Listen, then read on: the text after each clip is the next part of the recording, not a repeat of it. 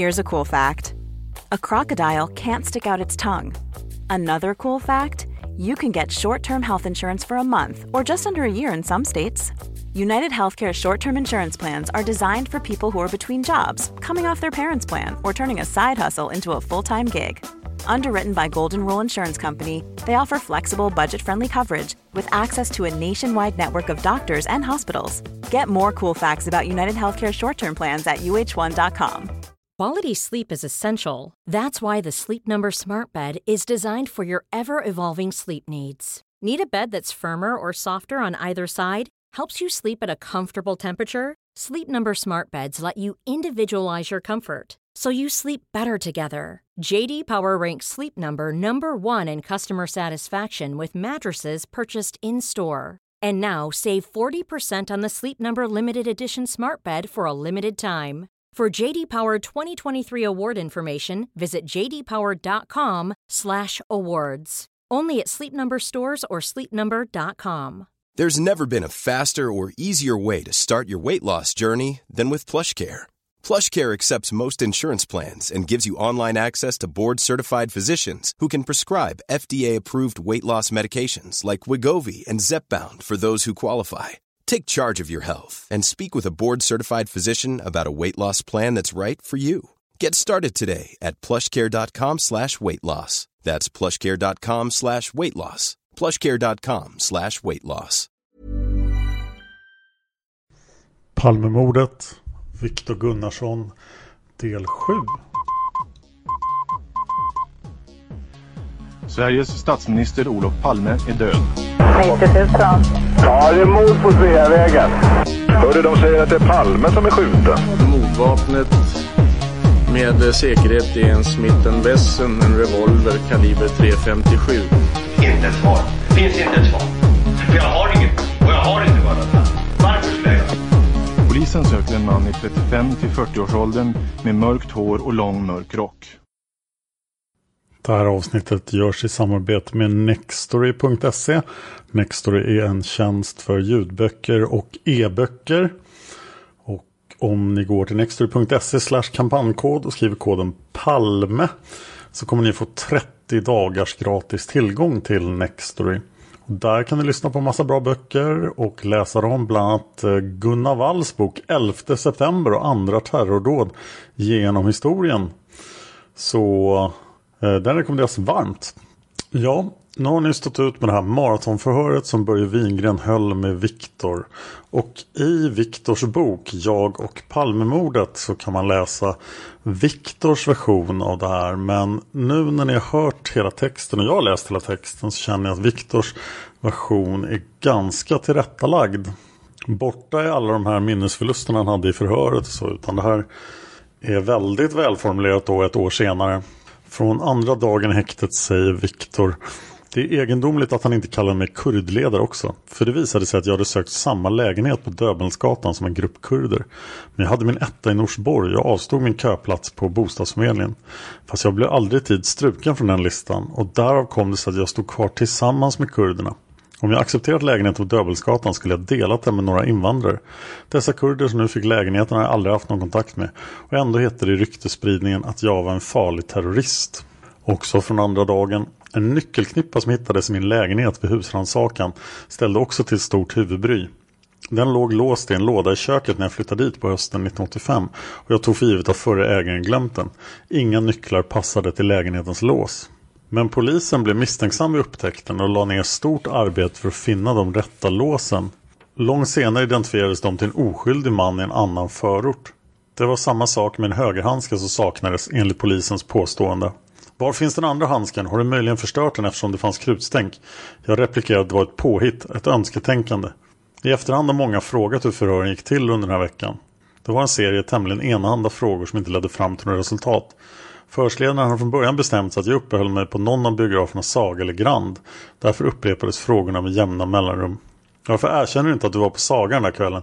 Eller vill du på allvar påstå att nära vänner till dig såg så fel? Enligt förhörsledaren var det också otvetydigt att jag hade med vapen att göra.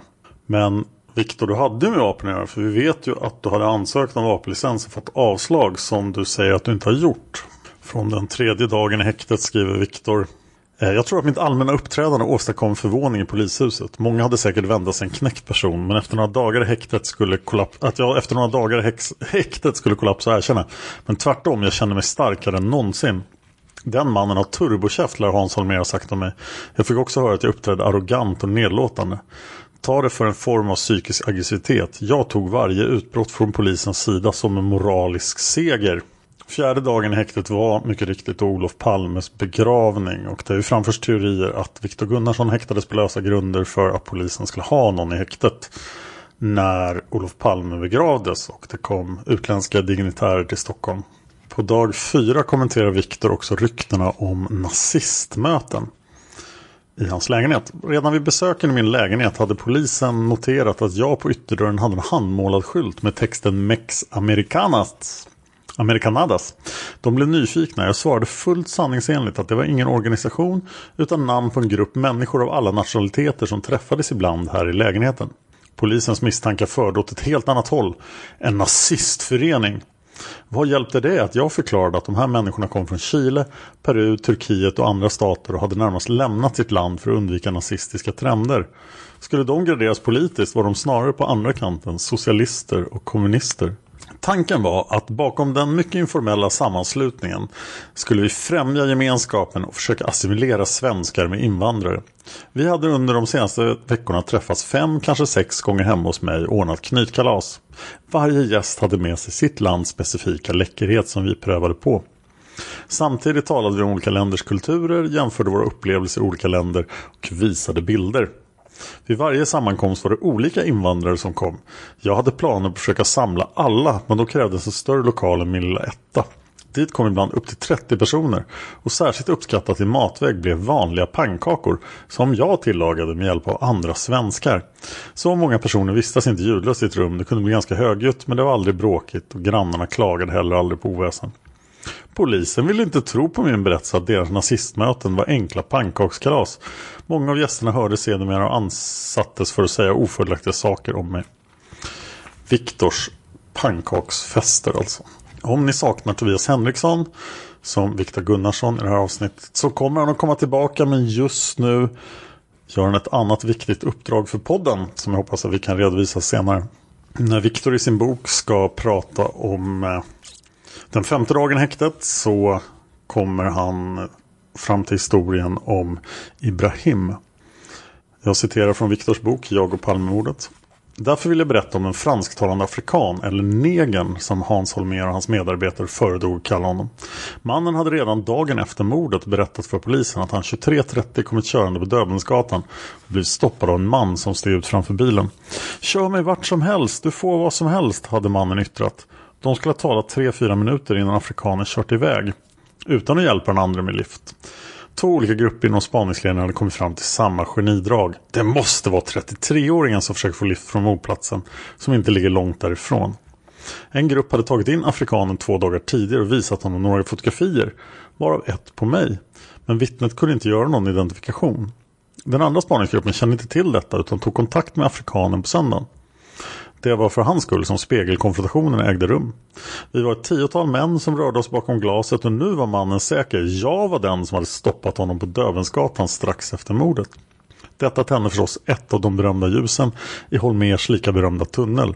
Hans argumentering var så övertygande att chefsåklagaren beslutade att begära omhäktning. Om afrikanens existens eller uppgifter hade jag ingen aning den här dagen. Istället hade jag tjatat på förhörsledaren att polisen borde efterlysa de två pojkarna på Mon mordkvällen som jag talat med sedan flickorna gått. Jag talade för döva öron. Polisen ville inte ha kontakt med dem. På den sjätte dagen konfronterades Viktor Gunnarsson med Lisbeth Palme och Mårten Palme och ingen av dem pekade ut honom på den sjätte dagen händer också mystisk incident i häktet. Vid ett tillfälle så är en intagen halvhögt till Viktor Gunnarsson. Jag vet vem som mördade Palme och det var inte du. Några poliser intill försökte snabbt tysta honom. Snacka inte i nattmössan utan höll tyst. Den sjunde dagen i häktet så publicerar arbetet bild och namn på Viktor Gunnarsson. Och det här leder till en rättsprocess där då Viktor har lämnats ut av tidningen Arbetet. Men den ska vi återkomma till. Viktor är inte glad i sin bok kan jag säga. Jag anar reaktionen i min hembygd. Om en begränsad krets tidigare vetat att jag var den beryktade 33-åringen så blev nu nyheten känd för hela samhället, hela landsändan, ja hela Sverige. Vad skulle mina stackars föräldrar ta sig till?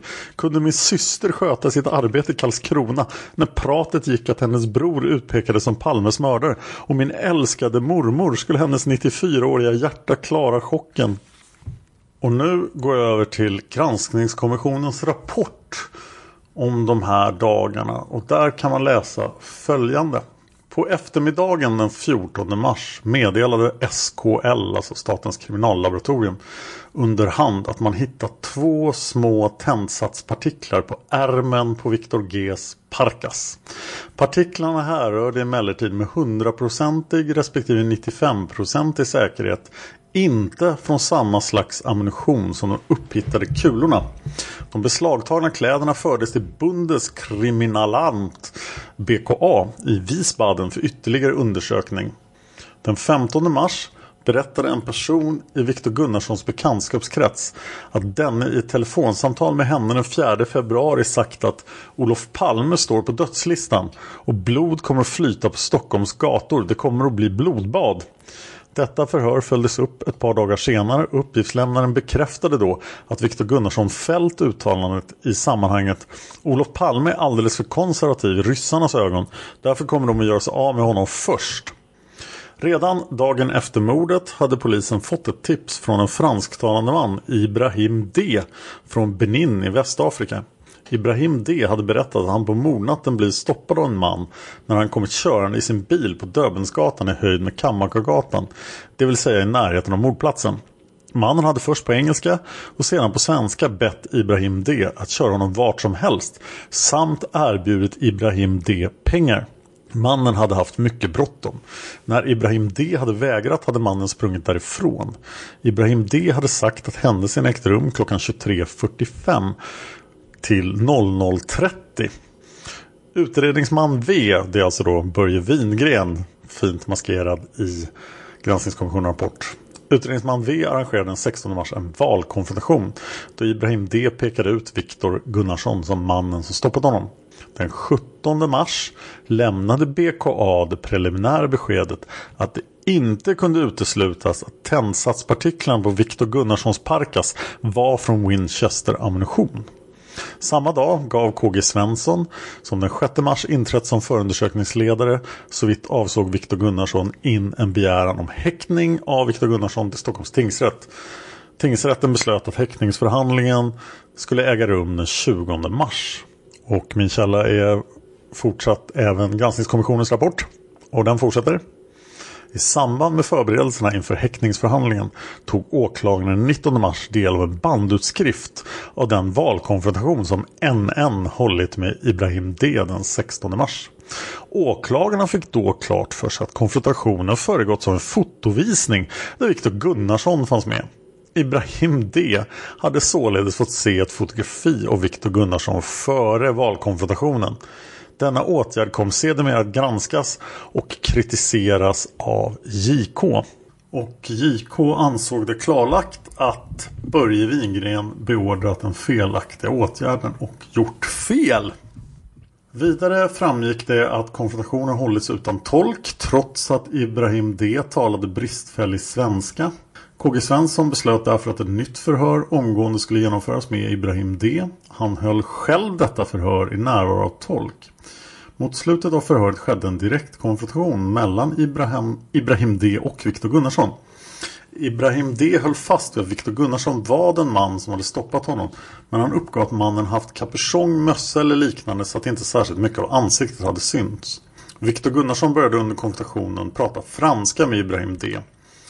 Beträffande Ibrahim Ds trovärdighet kan nämnas att denne i början av april på nytt kontaktade polisen. I ett förhör den 11 april 1986 uppgav Ibrahim att han mordkvällen vid 22.30-tiden sett eh, den personen som Fantombilden föreställde eh, på Sveavägen.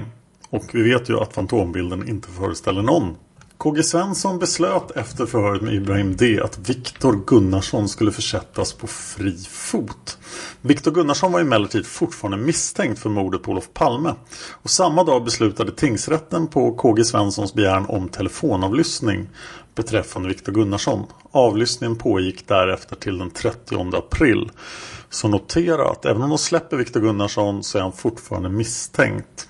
En källa jag använder mig väldigt mycket av när jag gör den här podden är Inuti labyrinten. Den här jättetjocka boken av Kari Putiainen och Pertti Putiainen. Men när vi kommer till fallet Viktor Gunnarsson så måste jag, jag ska berätta mer om det senare, men boken har fällts för falska uttalanden om Börje Wingren.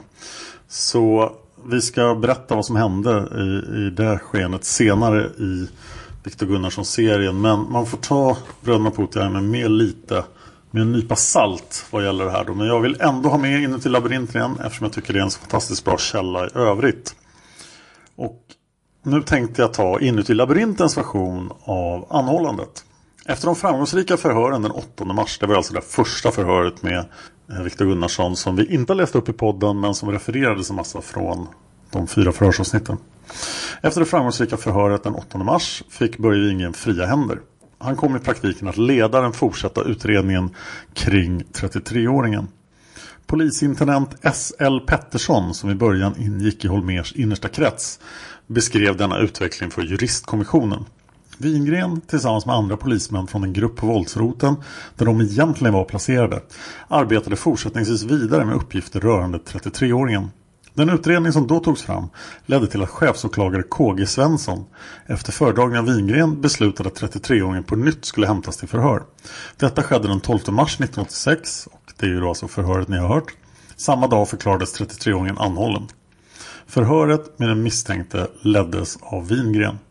Vid den tidpunkten var Börje Wingren helt okänd för Pettersson. Alltså SL Pettersson, polisintendenten. Enligt Linder var det dock en bra polisman och Pettersson fann därför ingen anledning att göra någon ändring beträffande frågan om vem som skulle sköta förhören med den misstänkte. Bröderna Putiainen kommenterar Det är intressant att notera att chefen för våldsroten, kommissarie Nils Linder, till SL Pettersson sagt att Börje Wingren skulle vara en bra polisman. Vi erinrar oss att just Nils Linder var en av de polischefer som hade förvarnats om Börje Wingrens arbetsmetoder av kommissarie Helge Eriksson. Men trots detta rekommenderar man alltså Börje Wingren. Man kan undra varför. Hur som helst var Hans Holmér mycket nöjd med Nils Linder. Denne fick nämligen fortsätta ledningsgruppen även efter sin pensionering i september 1986. Han kvarstod som konsult i kretsen kring länspolismästaren. Den utredning som Börje Wingren tog fram till den 12 mars präglades av groteska förvrängningar. Ett typexempel är beskrivningen av telefonsamtal som 33-åringen har med en kvinnlig bekant. Holmer skildrar samtalet så här i sin bok. Eva-Maria Toel som bott ihop med honom en tid berättar att eh, 33-åringen den 4 februari ringt henne och sagt att Olof Palme står på en dödslista och att blod kommer att flyta på Stockholms gator. Det är märkligt att Hans Holmér i denna skildring så sent som 1988 helt håller sig till Börje Wingrens förvrängda version. Ytterligare en antydan om åsiktsfrändskapen mellan Börje Wingren och Hans Holmér. För det första hade 33-åringen inte bott ihop med Eva-Maria Toel utan var endast flyktigt bekant med henne.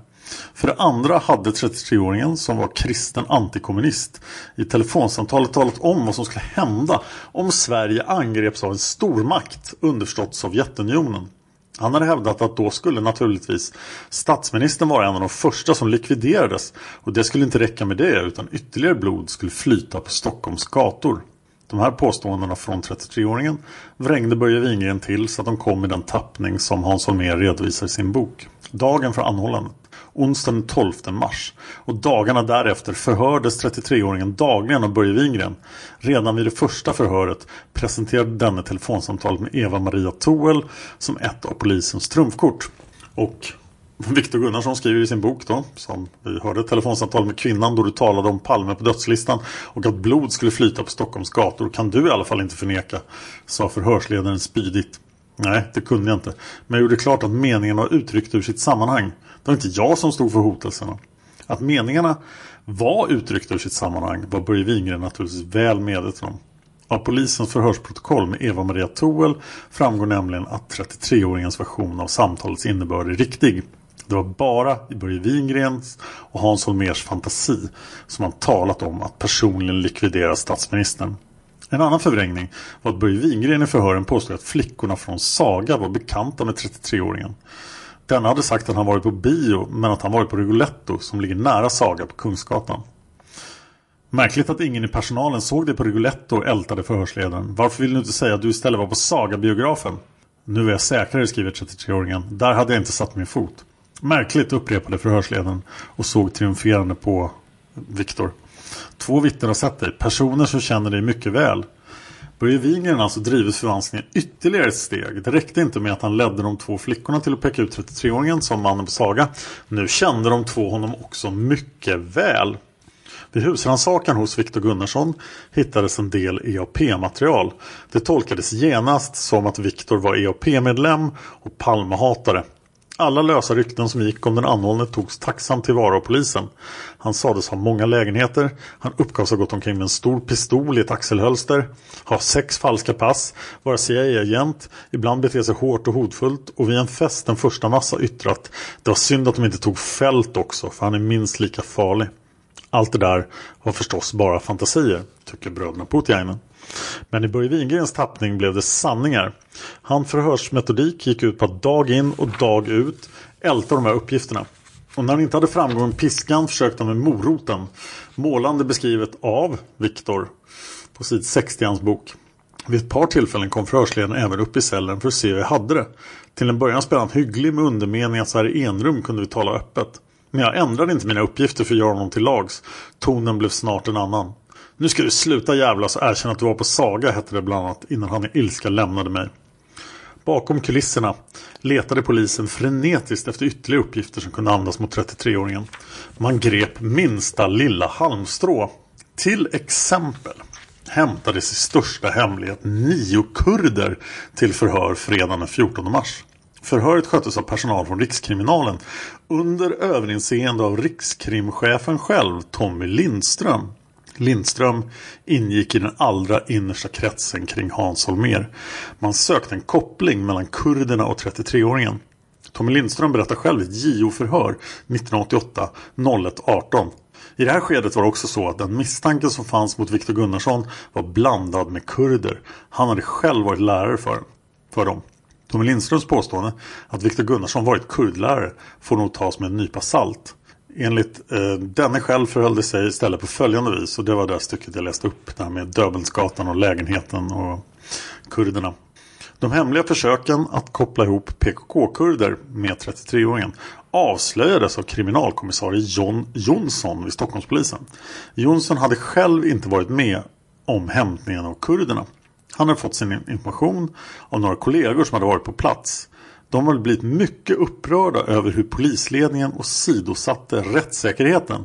Ingen av dem vågade dock själv träda fram av rädsla för repressalier. Men Jonsson, med över 30 års polistjänst bakom sig, är en man av samma hårda virke som Gösta Söderström.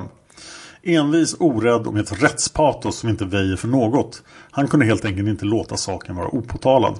Han krävde att bli hörd av juristkommissionen. Vid förhöret 1987 03 04 berättade han bland annat följande. Så det här är alltså kriminalkommissarie John Jonsson inför juristkommissionen 1987.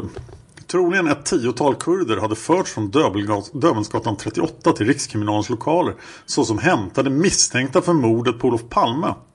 Vad mina kollegor reagerade mot och vad den egentliga anledningen till att det påtalades mig var att de misstänkta inte hade förts via jouren. I och med att man inte fört in den via jouren hade de heller inte registrerats hos oss. För brott misstänkta och gripna personer förs rutinmässigt via jouren. De skrivs in i vår Livets bok som numera består av datorn. Där finns också tjänsteföreskrift om att alla som hämtas till förhör eller medtagna ska registreras i denna dator. Vi kontrollerar om vi fått några införda utan vår vetskap men datorn hade inte tagit emot något. Och inte har vi heller senare sett någon registrering. John Jonsson var kommissarie vid krimjouren som skötte registreringen. Hemlighetsmakeriet från polisledningens sida kring den här hämtningen var alltså så stort att man hade bestämt sig för att bryta mot tjänsteföreskrifterna. Alla spår skulle sopas igen. Att det inte var fråga om slarv eller missförstånd framgår av det utredningsmännen berättade för Jonsson. Vad ska vi rapportera när vi kommer till KVC, det vill säga krimjouren? Frågade någon ordningspolisman. Det är alltså den vanliga gången när man går via jouren. De hade fått svaret att de absolut inte får föras via jouren utan de ska direkt till Rikskriminalen. Bry dig inte om anledningen du, för det behöver du inte rapportera, hade de sagt. Polisen var ute och fiskade i så grumliga vatten, och det här är ju fortfarande då bröderna Putinjärnings åsikter, att man till varje pris ville undvika insyn. De nio kurderna togs naturligtvis inte för att det fanns några konkreta misstankar mot dem. Nej, tanken var att försöka, försöka hitta något som kunde användas i de fantastiska teorier man höll på att bygga upp kring 33-åringens person. Om man gjorde stora svep fanns alltid möjligheten att något matnyttigt kunde fastna i nätet. Särskilt om man alla Börje Wingren förvanskade uppgifterna lite. Det behöver knappt sägas. Åklagaren var inte i förväg informerad om den där kurdrassian på Döbelnsgatan. John Jonsson berättar igen. Jag är säker på att det funnits ett frågeformulär där de, det vill säga kurderna, bland annat skulle tillfrågas om sin eventuella bekantskap med 33-åringen. Vem som varit direkt ansvarig för beslut om hämtning vet jag inte. Men så vitt jag lyckas inhämta har åklagarmyndigheten inte varit inblandad. Det måste i rimlighetens namn ha varit ett beslut från någon i Palmeledningen. Tommy Lindström fanns på plats. Bröderna Putin fortsätter. Juristkommissionen ville inte ta den här heta potatisen utan överlämnade saken till JO. Efter att ha hört Tommy Lindström och en del andra befattningshavare inom polisen fann JO att det inte fanns någon laglig grund för ingripandet mot kurderna. Trots detta kunde JO inte aktualisera något personligt ansvar för det inträffade eftersom det inte går att i efterhand med tillräcklig grad av säkerhet fastställa vilken eller vilka befattningshavare som bär ansvaret för åtgärden. Ryan Reynolds here from Mint Mobile. With the price of just about everything going up during inflation, we thought we'd bring our prices down. So to help us, we brought in a reverse auctioneer, which is apparently a thing. Mint Mobile unlimited premium wireless. Ready to get 30, 30, bit to get 30, bit to get 20, 20, 20, bit to get 20, 20, bit to get 15, 15, 15, 15 just 15 bucks a month. So, Give it a try at mintmobile.com/switch. slash $45 up front for 3 months plus taxes and fees. Promo for new customers for limited time. Unlimited more than 40 gigabytes per month slows. Full terms at mintmobile.com. Hiring for your small business? If you're not looking for professionals on LinkedIn, you're looking in the wrong place. That's like looking for your car keys in a fish tank. LinkedIn helps you hire professionals you can't find anywhere else, even those who aren't actively searching for a new job but might be open to the perfect role. In a given month, over 70% of LinkedIn users don't even visit other leading job sites. So start looking in the right place. With LinkedIn, you can hire professionals like a professional. Post your free job on linkedin.com slash people today. If you thought the only way to get a more defined jawline with natural-looking results was through surgery, think again. Juvederm Volux XC is a non-surgical injectable gel filler that improves moderate to severe loss of jawline definition and can help you achieve natural-looking results with little downtime. Even better, this improved definition lasts up to one year with optimal treatment. No maintenance required. Improve jawline definition for a smooth, sculpted look with Juvederm Volux XC. For important safety information and to find a licensed specialist, visit juvederm.com. That's J U V E D E R M.com. Not for people with severe allergic reactions, allergies to lidocaine, or the proteins used in Juvederm. Common side effects include injection site redness, swelling, pain, tenderness, firmness, lumps, bumps, bruising, discoloration, or itching. There's a risk of unintentional injection into a blood vessel, which can cause vision abnormalities, blindness, stroke, temporary scabs, or scarring. Talk to a licensed specialist to find out if it's right for you. Fjärderna. Alla högre polistjänstemän som hörts hade nämligen lidit av dåligt minne när ansvarsfrågan kom på tal. Ingen visste vem som hade haft ansvaret. På frågan varifrån han hade fått sina uppgifter svarade John Jonsson. Uppgifterna har jag fått från ordningspolis och kriminalpolismän som jag inte kan ange därför att de inte vågar framträda. De tror sig på goda grunder riskera trakasserier. Polismännen hade helt rätt om risken för trakasserier. Jonsson blev nämligen själv utsatt för just detta kort efter sitt framträdande. Den 27 april 1987 blev Jonsson mot sin vilja förflyttad från krimjouren till mindre attraktiv post vid Norrmalms vaktdistrikt. Biträdande länspolismästaren Gösta Villander gick ut och dundrade i en TT-intervju att John Jonssons enda syfte var att kasta skit på polisen. I slutändan var det alltså bara den som hade påtalat oegentligheterna som blev straffad, ironiskt nog. Så går det för den, säger bröderna Putiainen.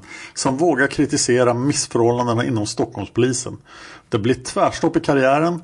Det här vet de flesta mannarna och de håller därför i allmänhet tyst.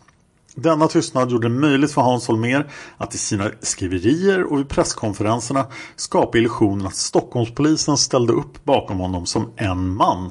När det i själva verket var så att det fanns ett utbrett, utbrett missnöje bland personalen på fältet över Hans Holmérs sätt att leda utredningen. Så försöken att göra Viktor Gunnarsson till kurdledare misslyckades. Det gick inte att på ett trovärdigt sätt konstruera samröre mellan honom och de nio gripna kurderna som släpptes efter korta förhör och kränkande nog fotografering. Manipulationen hade givit ganska mager utdelning. Det man fått fram räckte inte till häckning. Holmer uttrycker det koncist i sin bok på sid 126 och när vi nämner Holmers bok är det alltså Olof Palme är skjuten, heter den. Så här skriver Holmer. Åklagaren skickar ut ett pressmeddelande som han haft liggande i beredskap och som bekräftar anhållandet. Av detta kan en lagklok också läsa ut att 33-åringen är misstänkt för mordet men att misstankarna inte räcker för att begära honom häktad.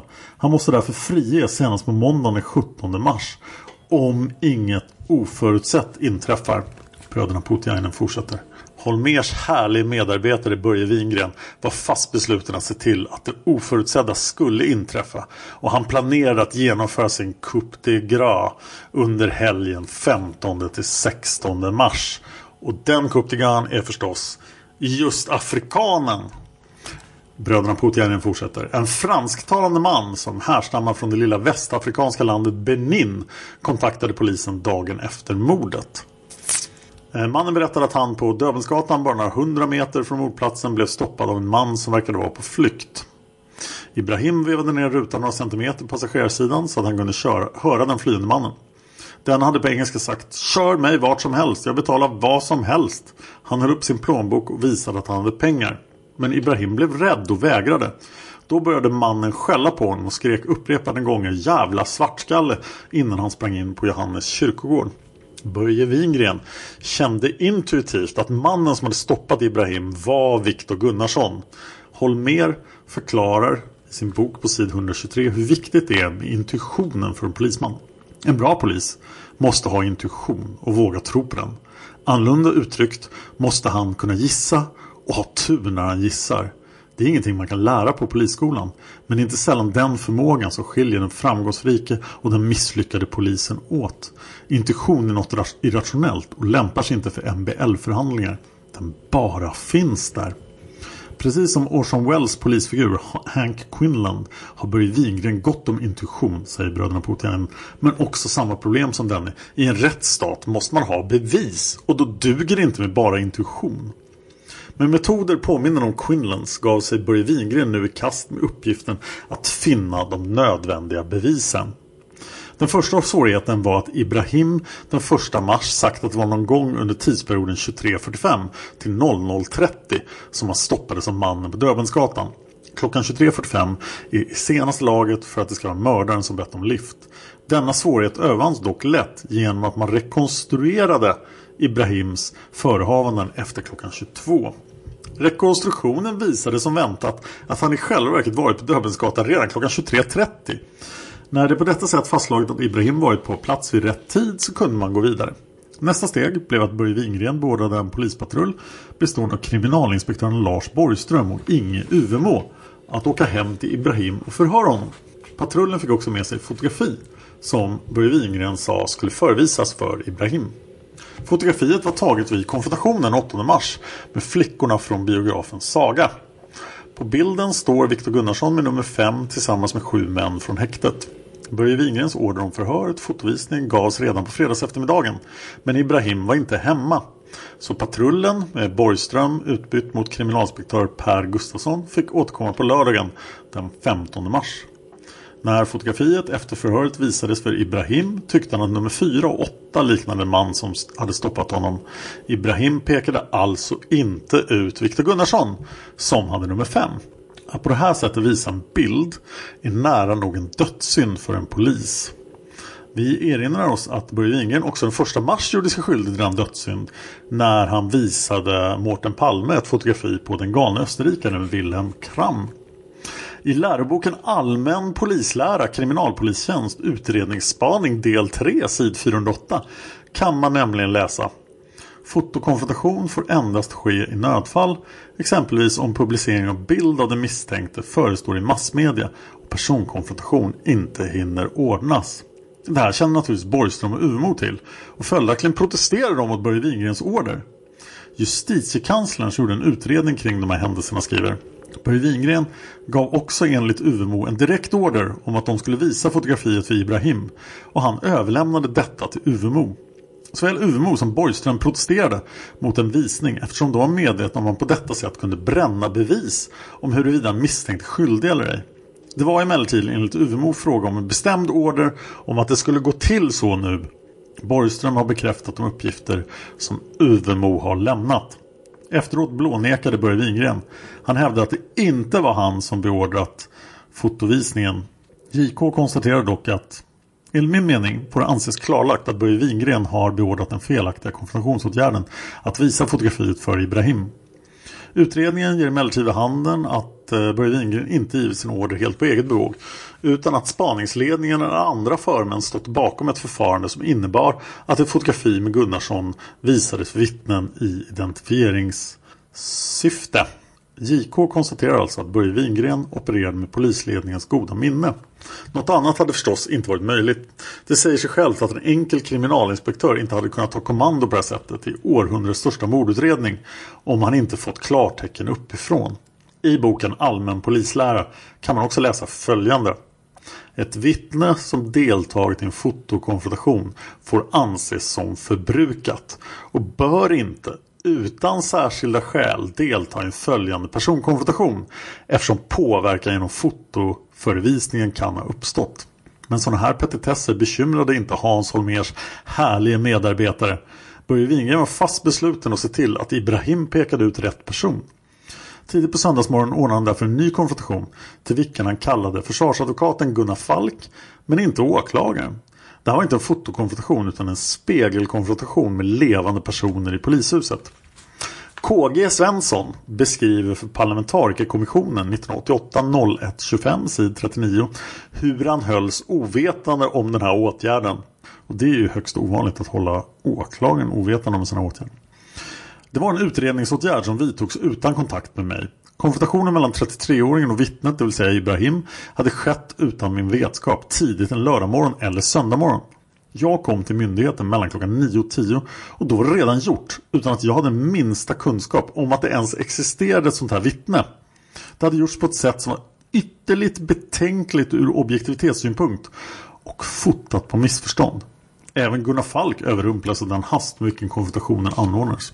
Konfrontationen kom mycket hastigt och utan förvarning, säger advokat Gunnar Falk. Jag fick aldrig klart för mig mannen, det vill säga Ibrahims roll. Senare publicerade KG Svensson utskriften av konfrontationsförhöret i ett pressmeddelande den 16 maj 1986. Utskriften är intressant för den visar vilken mästare Börje Wingren är i att leda vittnen så att de pekar ut ur hans synvinkel rätt person. Ibrahim kan endast bruten svenska och förhöret sker utan tolk. Vid konfrontationen har 33-åringen nummer två. Börje Wingren. Du kan gå ända fram till spegeln om du vill. Där står de numrerade från två uppåt. Ibrahim säger var, var är fyra, sex, fyra, åtta, fyra, åtta som jag visat dem igår? Med andra ord efterlyser Ibrahim omedelbart de två män med nummer 4 respektive nummer 8 som han pekat ut vid fotokonfrontationen dagen innan. Men Börje Wingren är inte intresserad av de här männen. Han leder bort diskussionen från nummer 4. Börje Wingren säger nummer 4 finns inte med bland numren här. Ibrahim säger nej, han är inte här. I allmän polislära står det att personerna i en konfrontationsgrupp ska vara försedda med löpande nummer. Och det är de alltså inte i detta fall. Att just nummer 4 saknades var i nog ingen tillfällighet. När Börje Wingren i sin bok, sid 227, redovisar det här konfrontationsförhöret har han utelämnat ovanstående rader. Självfallet utan att tala om det för läsaren. Uppenbart är att han för sina läsare vill dölja att Ibrahim direkt efterlyste de två männen från fotokonfrontationen dagen innan. Att medge detta hade nämligen gjort det svårt för honom att få ihop den förvridna tolkning av förhöret som han presenterar i sin bok. Här ser vi svart på vitt vilken förvanskare och lögnare han är. I sanning en svensk Hank Quinlan. Börje Wingrens läsare får alltså intrycket att förhöret börjar med följande fråga. Här måste jag återigen inflika då att eh, bröderna Putiainen har alltså ja, blivit rättade på det här. Men vi ska ta detaljerna på det sen. Inte på det här men på sin behandling av Börje Wingren. Eh, Börje Wingren säger i förhöret då. Kan du utpeka någon av de männen som nu kommer fram en och en? Du behöver inte uttala dig utan att du ser någon. Ibrahim. Nej, det är den mannen där borta, där borta som Börje du behöver inte uttala dig förrän mannen kommer fram här. Du kan vara tyst om du inte känner igen någon. Du talar om vem det är när han kommer fram och så säger du numret. Ibrahim 8, 8. Börje Wingren, eh, var det 8? Ibrahim 8, ja. Börje var det han? Eh, Ibrahim 8 och nej. Här hakar Börje snabbt på och försöker leda bort Ibrahim från nummer 8. Var det inte 8? Ibrahim 8 och den andra, 8 och den andra, andra, det är andra. Med den andra menar Ibrahim naturligtvis den andra personen, det vill säga nummer 4 som han pekat ut dagen innan. Men Börje Wingen gör en alldeles egen för konfrontationen avgörande tolkning av dessa ord. Börje Wingen, med den andra, menar du nummer 2? Ibrahim, nummer 2. Börje Wingen, men är du säker på att det är nummer 2? Ibrahim, jag har träffat med honom. Börje Wingen, det var den mannen. Ibrahim, ja. Börje Wingen, nu är nummer 2 framme i spegeln.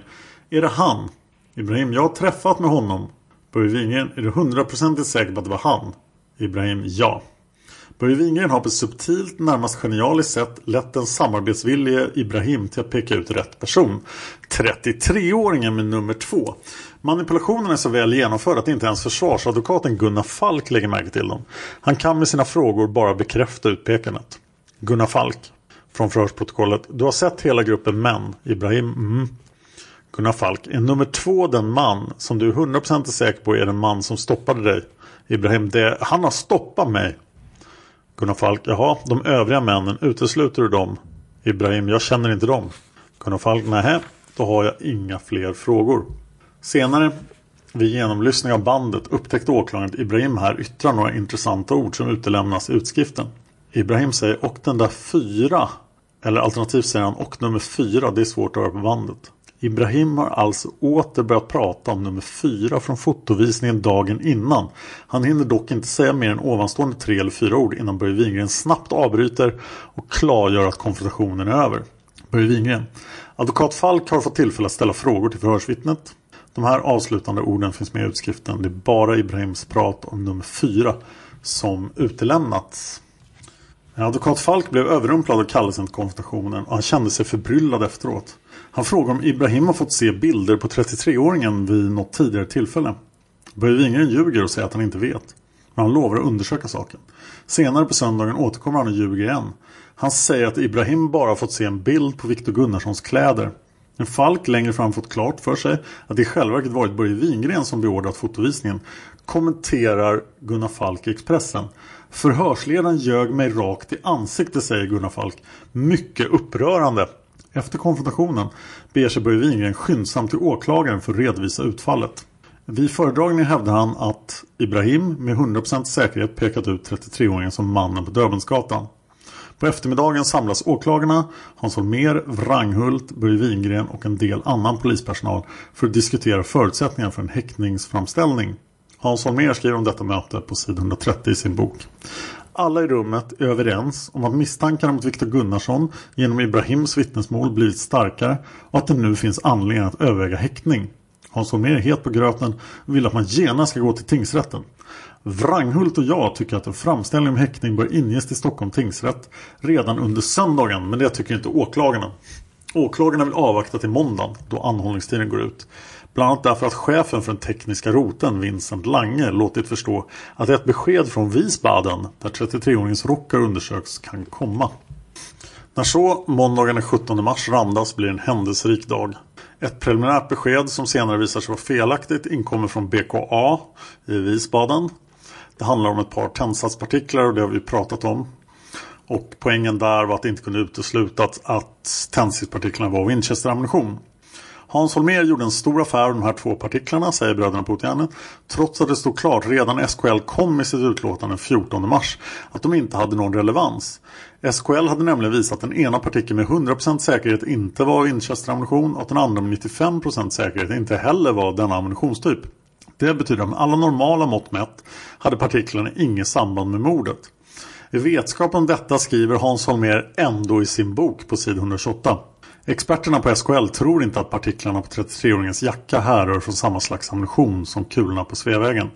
De är dock något osäkra och jackan har sänts vidare till laboratoriet hos Bundeskriminalant BKA i Wiesbaden som redan har makarnas Palmes kläder för undersökning.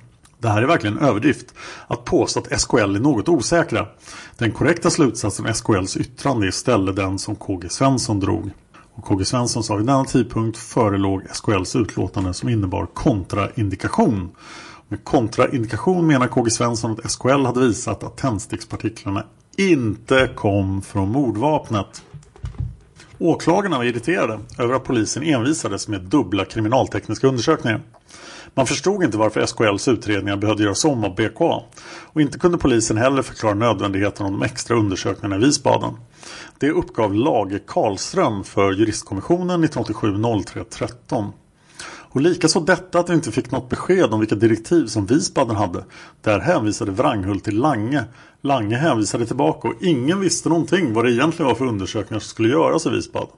Men var det då så att BKA i Visbaden och SKL i Linköping var oeniga om tändsatspartiklarnas natur? Inte alls. KG Svensson skulle senare förklara den skenbara motsättningen. Så KG Svensson säger beskedet från Wiesbaden den 17 mars var muntligt och framfört i troligen minst tredje hand och preliminärt. Det kan i efterhand konstateras att det slutliga utlåtandet från Wiesbaden stannar vid en helt annan ståndpunkt. Vad nu anledningen kunde vara vid detta.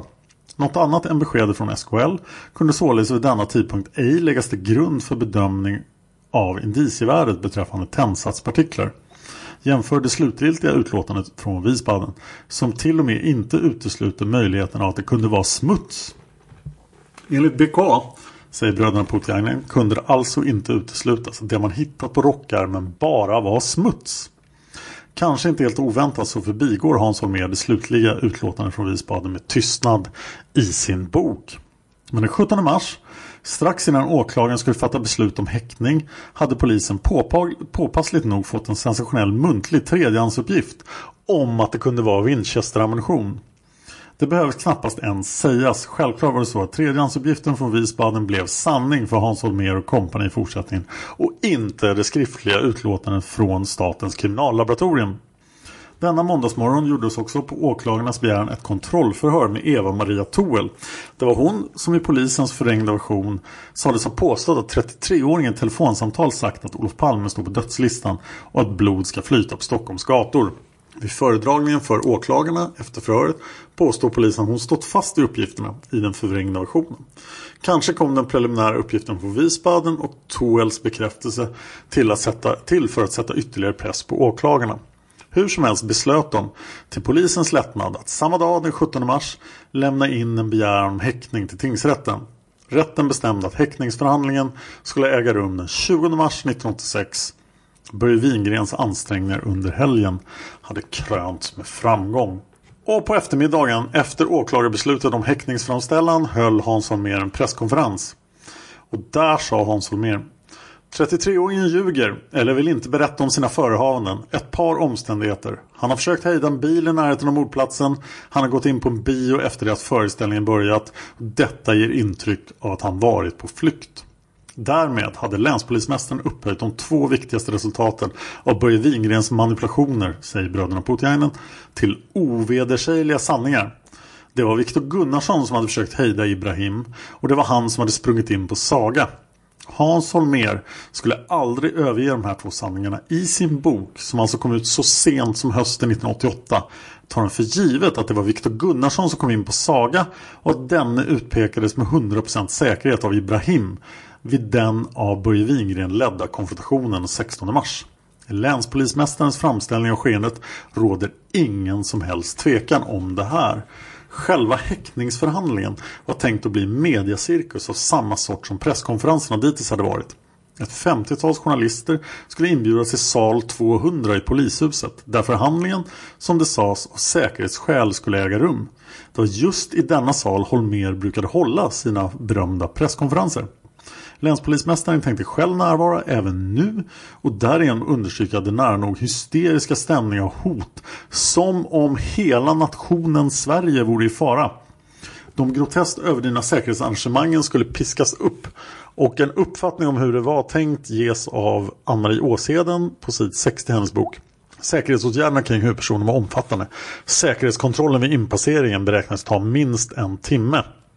Under de här dagarna satt polisledningen som på nålar. Skulle de av Börje Wingren framtagna bevisen stå pall vid häktningsförhandlingen på torsdagen den 20 mars? Och hur skulle man gå vidare med konstruktionerna mot Viktor Gunnarsson? Åseden beskriver på sid 58 hur Hans Holmér och den inre kretsen kring honom kallade till sig Börje Wingren och en av hans medhjälpare för att få vägledning. På tisdagskvällen kallar Hans Holmér och den inre kretsen till sig de två kriminalare som förhört Viktor Gunnarsson. De grillas på vad de gjort, tyckt och tänkt om fallet. Och alla är i alla fall överens om sak. Om en sak. Spricker det här med negern är rösten bara skit. Negern var det öknamn spaningsledningen använde på Ibrahim. Man kom alltså fram till att utöver Ibrahims vittnesmål hade manipulationerna givit tämligen mager utdelning. Insikten om detta gör att Hans Holmér känner sig missnöjd när han åker hem för natten. Åsheden skriver När Hans Holmér åker hem denna kväll är han förbaskad. Han tycker att det är många som hanterar jakten på mördaren på ett dåligt sätt. Med andra ord är Ibrahim polisens trumfkort och man skrockar förnöjt över hans förträfflighet. Negen framstår som polisens älsklingsvittne. Han är artig och belevad och säger Monsieur till förhörsledaren. Hans Holmér har lite dåligt samvete för att de kallar honom negern. Det kan ju tolkas som rasism. I spaningsledningen, där man talar mycket om vittnens tillförlitlighet, önskar man sig fler vittnen som negern. Det skämtas om att man borde importera fler negrer och ställa ut dem i gathörnen, skriver Åsheden på sid 69 i sin bok. I nästa avsnitt ska vi se vad som händer med Viktor Gunnarsson sen. Jag vill jättegärna ha iTunes-recensioner. Lyssnar ni på Palmemordet på en Apple-plattform så får ni hemskt gärna lämna en recension om ni inte gjort det redan. Eh, det bidrar till att fler upptäcker podden och jag kommer även att läsa alla recensioner i podden. Eh, den här podden finansieras huvudsakligen genom patreon.com palmemordet. Alltså patreon.com palmemordet. Det är alltså en tjänst för att sponsra återkommande innehåll. Så att ni sätter en summa som jag får för varje avsnitt jag gör. Det vanligaste är 2 dollar. Då får jag en latte varannan vecka. Och det kanske jag är värd. Om ni tycker det så gå till patreon.com Palmemordet. Som ett extra incitament så kommer jag att arrangera en Palmemiddag. Med Palmevandring och barhäng den 28 februari 2018. Och den kommer som det ser ut just nu att vara öppen då för folk som sponsrar på Patreon. Så mer information om det på Patreon innan jul. Palmemordet finns på Facebook. Jag finns på Twitter som Dan Horning. Palmemordet finns också på Youtube och alla avsnitt av Palmemordet finns på Youtube. Så har ni problem med något avsnitt så kolla på Youtube så kan ni få avsnittet där. Tack så mycket för att ni lyssnar på Palmemordet. Man hittar Palmes mördare om man följer PKK-spåret till botten. För att ända sedan Julius Caesars tid har det aldrig hört talas om ett mord på en framstående politiker som inte haft politiska skäl. Polisens och åklagarens teori var att han ensam hade skjutit Olof Palme. Och det ledde också till rättegång. Men han frikändes i hovrätten.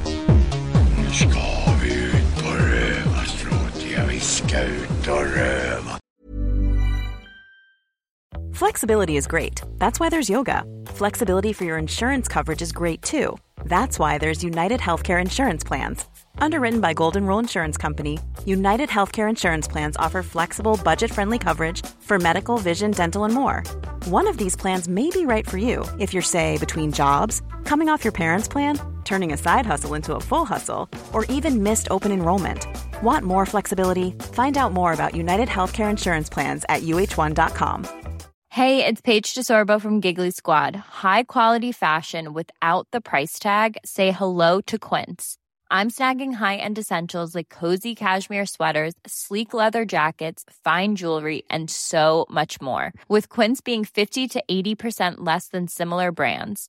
And they partner with factories that prioritize safe, ethical, and responsible manufacturing. I love that. Luxury quality within reach. Go to quince.com slash style to get free shipping and 365 day returns on your next order. Quince.com slash style. Normally, being a little extra might be a bit much, but not when it comes to healthcare. That's why United Healthcare's Health Protector Guard fixed indemnity insurance plans, underwritten by Golden Rule Insurance Company, supplement your primary plan so you manage out of pocket costs. Learn more at uh1.com.